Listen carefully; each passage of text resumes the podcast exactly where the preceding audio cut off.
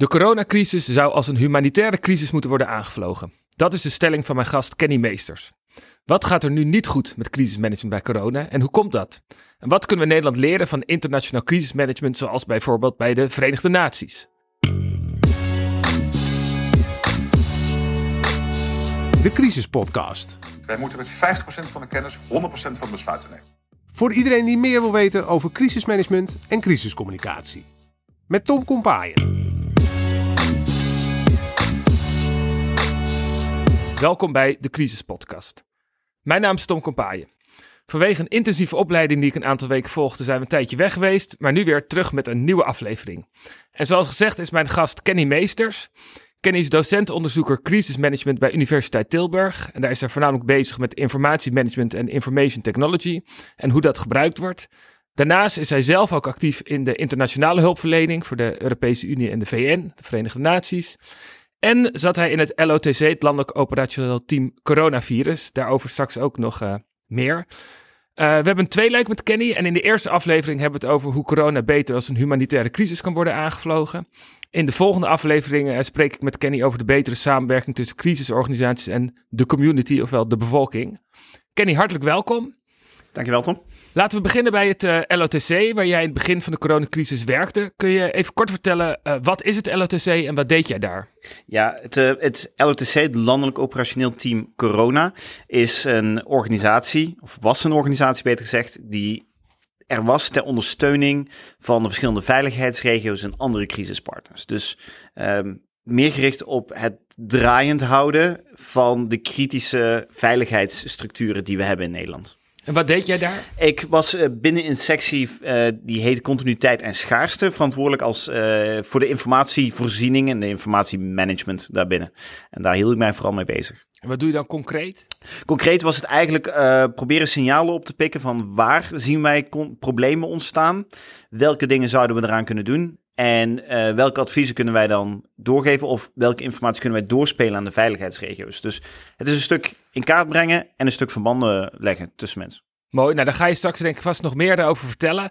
Eerst even helemaal bij het begin uh, beginnen, want jij zei inderdaad, die coronacrisis moet je meer als een humanitaire crisis aanvliegen. Zodat we even allemaal hetzelfde beeld hebben. Wat is een humanitaire crisis? Wat versta jij daaronder?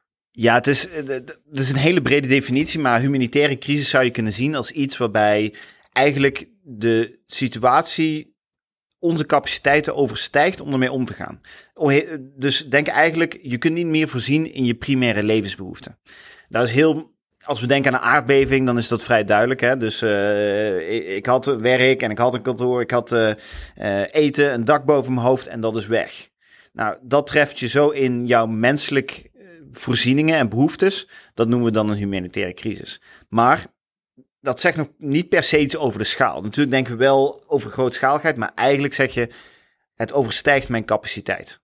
En mij, dat kan een burger zijn, dat kan een, regio zijn, dat kan een land zijn. Dus als we het over internationale humanitaire crisis hebben, is het eigenlijk dat een land zegt, hier is iets gebeurd dat overstijgt onze capaciteit om mee om te gaan. We hebben hulp nodig. Ja, dus uh, humanitaire crisis, maar dat, het ligt eigenlijk aan wat je primaire levensbehoeftes zijn. Dus ja, we hebben natuurlijk in Nederland hebben we ons landje vrij goed voor elkaar.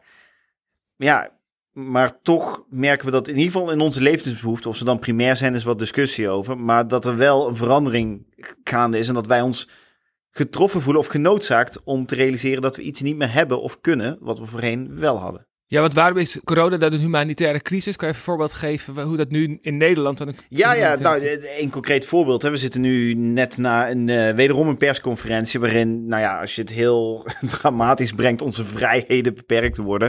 Maar in ieder geval onze mogelijkheden om dingen te doen. En naar een restaurantje gaan, naar de sportschool, uh, beperkt worden. Nou, is dat een primaire levensbehoefte? Dat is natuurlijk... Uh, niet te vergelijken met situaties die elders in de wereld gebeuren. Maar toch voelt het voor veel mensen aan: hey, ik kon dit doen. Dit was onderdeel van mijn leven, van mijn behoeften. Naar de sport gegaan, met vrienden omgaan. En dat kan nu niet meer. En dat maakt het wel in die zin, een heeft het eigen vergelijkingen met de humanitaire crisis.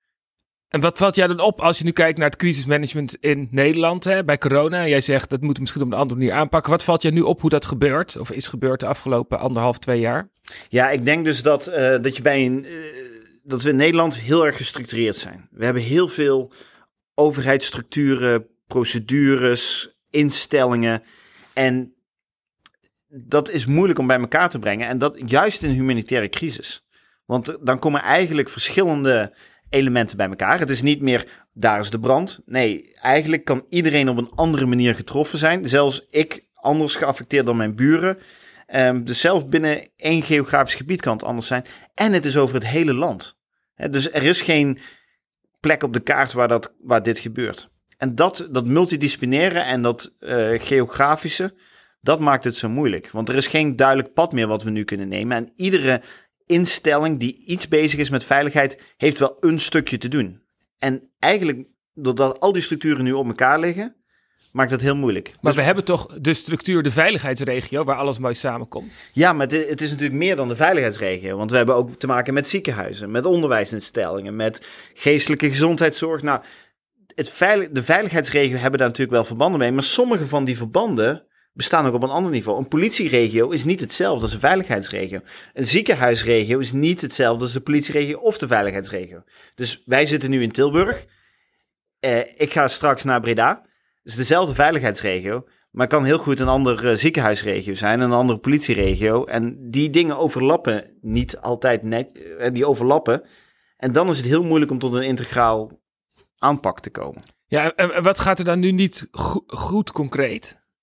Um, nou, we proberen dus eigenlijk deze humanitaire crisis, waarbij dus eh, geen duidelijk pad is hoe je, hoe je hieruit gaat komen, waarbij binnen mensen op verschillende manieren geaffecteerd zijn, toch op te lossen met onze structuren die eigenlijk gericht zijn op acute crisis, branden, geografische incidenten, uh, uh, zelfs natuurgerelateerde incidenten zoals overstromingen.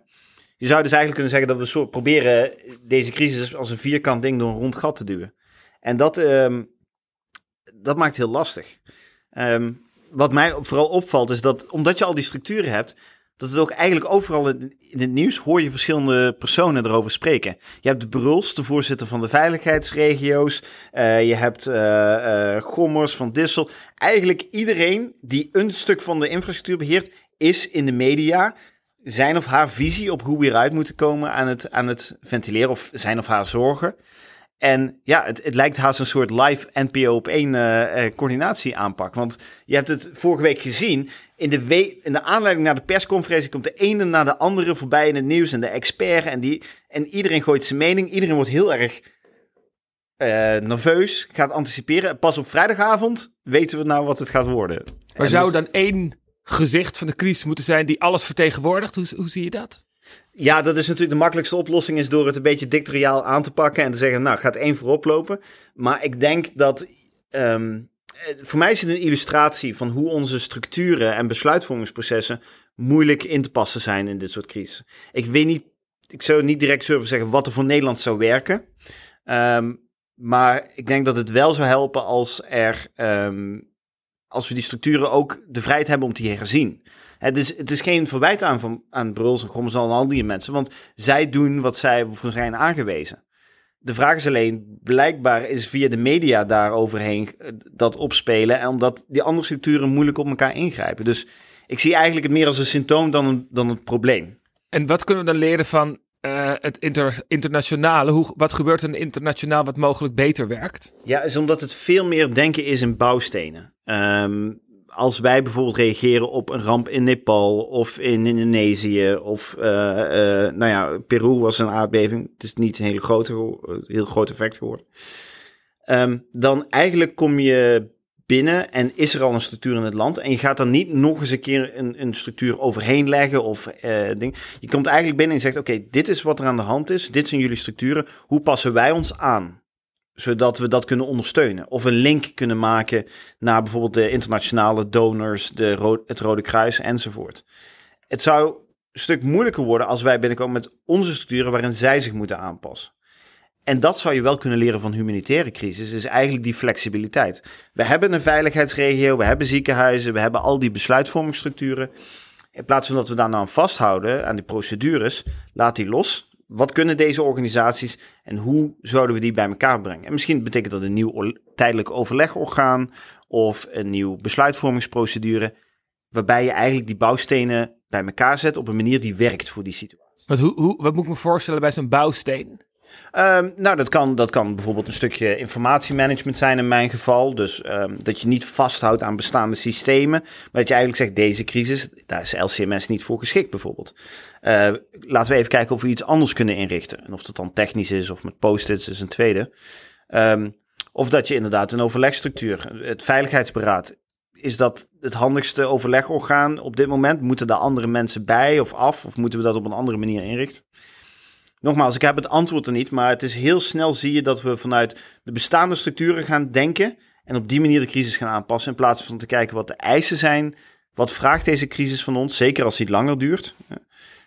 En hoe gaan we onze bestaande structuren dan aanpassen, inrichten en naar elkaar verbinden? En vanaf welk niveau of wie zou daar dan het voortouw in kunnen nemen? Zeg, dat zou de minister-president moeten doen of... Uh... Ja, dus ik, ik, ik zou denken, als je dus vaak naar internationale hulpverlening kijkt, dan, dan is het vaak de, wat we noemen de Local Emergency Management Agency, LIMA. Um, en dat zou bijvoorbeeld in Nederland de NCTV zijn. Uh, en dat is natuurlijk ook in een pandemie moeilijk, want je hebt het ministerie van Volksgezondheid en je hebt de NCTV en uh, nog allerlei andere ministeries die er uh, mee te maken hebben. Ja, misschien is er dus wel een soort centraal coördinerend orgaan nodig. Niet dat zij nu de lakens uitdelen, maar wel de infrastructuur bieden om dingen aan elkaar te verbinden. En uh, jij hebt toen in een sectie van het LOTC gewerkt, hè, waar we het net over hadden. Heb je dat daar wel een beetje kunnen toepassen? Hoe heb je dat daar ja, gedaan? Ja, ik, dus, uh, ja, dat is misschien wel een mooi, heel concreet voorbeeld hoe we dat in ieder geval op information management gebied hebben toegepast. Wat wij, onze, zoals ik al eerder zei, onze sectie ging over continuïteit en schaarste. En we hebben dus eigenlijk in het begin gezegd, waar wij het naar moeten kijken is, hebben wij mensen, zijn ze inzetbaar? Hebben wij de spullen, kunnen we ze gebruiken?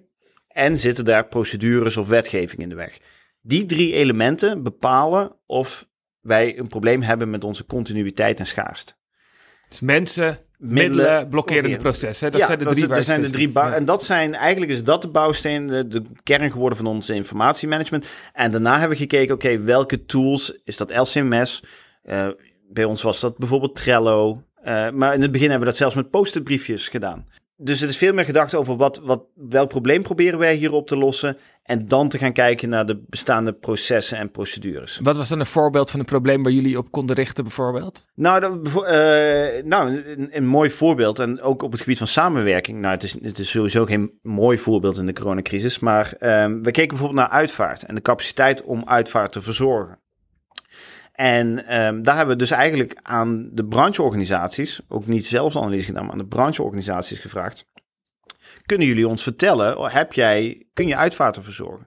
Ja, we hebben al die gegevens en die data en nou, zij hadden mooie analyses. En toen hebben we eigenlijk aan hun gevraagd, zou je dit voor ons kunnen vertalen in problemen met mensen, middelen, processen? En nou, een van de dingen die eruit kwamen, zeiden, nou, onze mensen zijn inzetbaar en ze willen, eh, ze willen nog meedoen. Persoonlijke beschermingsmiddelen hebben voorlopig nog genoeg, maar wij kunnen geen uitvaarten op, ik weet niet meer precies, op zondag verzorgen of er was een bepaalde regel. Zeiden, als die regel, dat is eigenlijk onze grootste blokkade op onze capaciteit vergroten. Nou, dat hebben we dan weer opgespeeld. Dus eh, dat is de manier waarop je niet blind gaat, oké, ik ga LCMS vullen met mijn crisispartners. Nee, ik ga kijken naar wat is er nodig op het gebied van continuïteit en schaarste. En dat raamwerk ga ik toepassen op de crisis. En dan komen daar signalen uit waar we op kunnen acteren. Ja, want jij zegt dus inderdaad die flexibele structuren, werk vanuit de behoefte, vanuit bouwstenen. Uh, nou heb je ook ervaring met Nepal gehad en de aardbeving. Uh, hoe ging dat daar in zijn werk? Hoe doe je dat daar dan?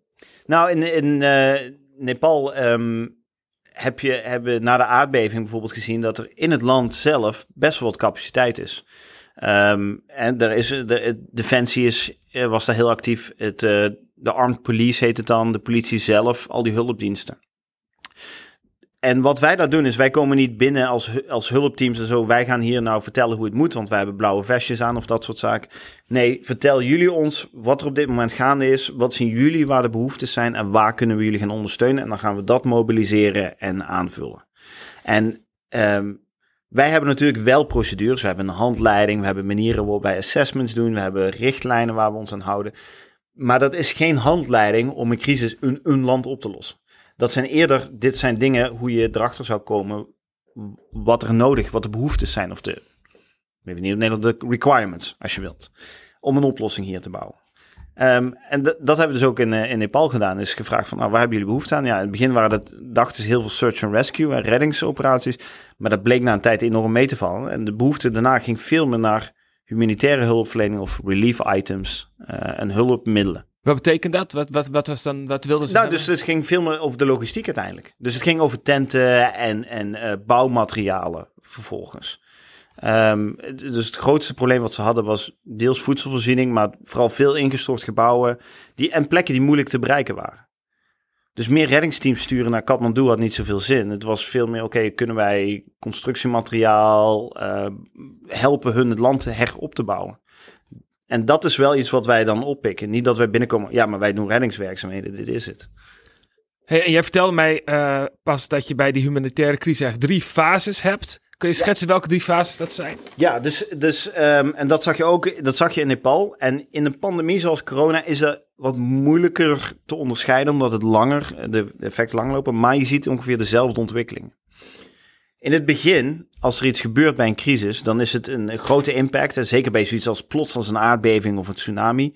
En dan zie je dat veel mensen ehm, ja, een soort saamhorigheidsgevoel hebben. Rally behind the flag. We're all in this together. Eh, we gaan het aanpakken. En je zag het in Nederland ook. Hè. We, stonden in maart eh, vorig jaar nog te, eh, te klappen. Vorig jaar, ja, anderhalf jaar geleden bijna. Te klappen voor de zorg. En we gaan het met z'n allen doen. Dus in de eerste fase, hoe vervelend het ook is voor mensen die getroffen zijn, het is duidelijk wat er moet gebeuren vanuit een crisismanagement perspectief. De tweede fase wordt het al wat moeilijker, want dan gaan we het over hulpgoederen hebben. En krijgen we vragen, is het beter om mensen spullen te geven of te investeren? Mensen moeten dan op hun eigen verantwoordelijkheid gaan letten. En het wordt minder duidelijk wat nu belangrijker is. Moeten we nou eerst deze mensen gaan helpen aan een school voor de kinderen? Of is het belangrijker dat we nou zorgen dat, ehm, weet ik veel, nou, ouderen weer opvang hebben? Dus de belangen worden niet per se tegenstrijdig, maar wel minder duidelijk en er moeten keuzes gemaakt worden. En die worden zeker in humanitaire crisissen moeilijker en moeilijker. En dan, eh, want je krijgt langzaamaan dat, dat er keuzes gemaakt moeten worden waar niet iedereen blij mee gaat zijn. En dan de derde fase is eigenlijk eh, in termen van management en bestuur het moeilijkste. Want dan gaan de belangen echt uit elkaar lopen. Nou moet er geïnvesteerd worden in wat willen wij nu gaan herstellen? Hoe gaan we hier straks verder mee? En dan zie je dat de groepen tegenover elkaar beginnen te staan. En dat zie je dus ook in de coronacrisis. De horeca, nou ja, niet versus, maar de horeca heeft eh, belangen en de ziekenhuizen hebben belangen. Ja, natuurlijk zijn ziekenhuizen, zouden de meeste mensen zeggen, belangrijker. Maar tegelijkertijd is er ook wel een sociale druk hier. En dan straks, als we dingen mogen, is het dan sporten of evenementen? En als we straks hieruit komen, gaan, gaan we dan meteen terug naar het oude? Schieten we dan terug naar waar we waren? Of gaan we nu zeggen, laten we dit nou gebruiken om bijvoorbeeld meer thuis te gaan werken en het klimaat te sparen? Dus hoe verder je afkomt van het eerste incident, hoe tegenstrijdiger de belangen worden en hoe moeilijker het wordt om keuzes te maken. En ja, dat zie je dus ook zeker met de coronacrisis. Naarmate we verder komen, is het niet meer zo duidelijk wat we nou En moeten zitten doen. we nu in de tweede of de derde fase met corona? Ik zou, ik zou het typisch Nederland antwoord zeggen, 2,5. ja, het zit een beetje tussen de overgang. Maar eh, ik denk dat, ja, het, het gaat straks als we eruit komen, gaan er vragen gesteld worden van waar is dat geld? Waarom krijgt de KLM 5 miljard en die voor de mondkapjes 9 miljoen of wat was het? En wij niet. En ja, langzaamaan begint die ruimte te ontstaan om vragen te gaan stellen naar elkaar te wijzen. En dat, dat gaat, eh, als we echt in de derde stap zitten, een groter eh, issue worden. Ja, en we, we hebben in Nederland, hè, we hebben het, eh, natuurlijk de flitsramp, flitscrisis. Daar hebben we de, de veiligheidsregelstructuur voor. Volgens mij zeg je ook wel, nou, hè, dat werkt daar goed voor, geografisch afgebakend. En we hebben nu eigenlijk een echt grote crisis, corona. En dan zeg je, nou, misschien moet je dan anders werken, meer met flexibele structuren. Als we nou vooruit gaan kijken, hè, de volgende grote crisis kan misschien wel eh, klimaat zijn. Eh, of sterker nog, de kans vrij groot dat het klimaat wordt. Nou, laten we die even nemen. Wat zouden we nu concreet moeten doen in Nederland om klaar te zijn voor die volgende grote crisis? Ja, dus eh, wat de volgende crisis gaat zijn, denk ik, ja, klimaat, dat gebeurt. Maar de vraag is wat de effecten van de klimaat gaan zijn. En dus ik zelf als Zuid-Limburger heb het van de zomer gezien. Ehm, maar mijn punt is, ik, ik denk dat we steeds meer te maken hebben met crisissen, zoals die van corona, waarbij het niet meer duidelijk alleen op een kaart is aan te wijzen, dit gebeurt er. En dat het niet alleen maar de veiligheidsregio's zijn of de, de, de hulpdiensten die erover gaan, maar dat het eigenlijk meer mensen op allerlei manieren begint te raken. Klimaat is er één van. De ene heeft er meer last van dan de ander, is er beter op voorbereid. Ehm, maar ook denk aan een cyberaanval. Uh, waarbij sommige bedrijven weerbaarder zijn, gevoeliger, ander niet. We weten niet als er ingebroken wordt in de Rijkswater, bij Rijkswaterstaat wat dat betekent voor de effecten. Dus het is veel moeilijker om te zeggen: oké, dit is onze aanpak als dit gebeurt. En dat is eigenlijk ook mijn zorg. We zijn straks gaan we hier uitkomen met nog vijf draaiboeken voor pandemieën. En de volgende crisis gaat geen pandemie zijn. En ook geen cyber. En als het dat wel is, is dat niet wat, gaat het niet die crisis zijn wat in het draaiboek staat. Want de effecten gaan anders zijn. Omdat onze samenleving voortdondert. Omdat inzichten voort uh, ontwikkelen. Dus hoe ga je dan mee om? Is, moet je dan niks voorbereiden? Want die, dat commentaar kreeg ik eh, een paar weken terug bij de Europese Commissie. Moeten we dan geen draaiboeken maken? Jawel, maar je moet meer denken in termen van inzetbare bouwstenen en capaciteiten. Zodat je snel analyseert wat vereist deze crisissituatie van ons. En, oh, dan moeten we die en die op die manier bij elkaar zetten. En pakken we deze groep en deze groep en die kunnen dan daar gaan werken. Als je te vast zit aan je structuren, dan blijf je dat vierkant ding door een rond gat proberen te duwen. En gaat het nooit lekker passen. Um, en dat, dat, dat gaat van, van inderdaad, wat je zei, de minister-president en de ministeries, helemaal tot een individu bij een veiligheidsregio, een individuele hulpverlener. We moeten dus denk ik niet per se af van de structuren, want je wilt bij, niet bij iedere brand gaan staan overleggen met z'n allen van nou, wat denken we hoe we dit eens gaan aanpakken. Maar op een gegeven moment kom je wel bij crisissituaties uit waarbij het niet meer zo klip en klaar is wat je wilt doen. En dan wil je eigenlijk zeggen, oké, we hebben hier capabele mensen die weten welke bouwstenen er zijn, die kunnen kijken naar deze crisis, wat het vereist en hoe we die bij elkaar zetten. Ja, want jij zou ook als je kijkt naar information management bijvoorbeeld, dan uh, als iemand binnenkomt zegt, uh, nou volgens mij kunnen we dit beter doen uh, met Trello dan met LCMS, dan moet het antwoord niet zijn, wij gebruiken hier altijd LCMS. Ja, ja ik, heb dat zelf meegemaakt bij, bij het LTC. Dus ik ben niet in Nederland opgeleid tot een hulpverlener. Dus de dag dat ik er binnenkwam, zei ik, nou, volgens mij zou dit een handige manier zijn om dit aan te pakken. Nee, maar we gebruiken als, altijd LCMS. Nu, ik heb even een half uurtje rondgespeeld in LCMS. Lijkt me niet zo heel moeilijk. Ik hoop dat ik niemand daarmee beledig. Ik snap wel wat het doet. Um, dus ik ben niet meteen tegen LCMS, maar ik ben wel tegen het, het vast, rigide vasthouden aan de procedure, terwijl we heel allemaal weten dat we in een uitzonderlijke situatie zitten. En misschien komen we alsnog uit dat LCMS de betere tool is. Zou heel goed kunnen.